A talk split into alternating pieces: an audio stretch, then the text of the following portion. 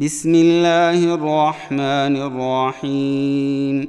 أرأيت الذي يكذب بالدين فذلك الذي يدع اليتيم ولا يحض على طعام المسكين.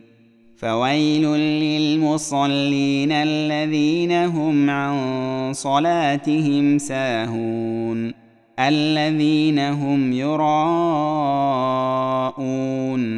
ويمنعون الماعون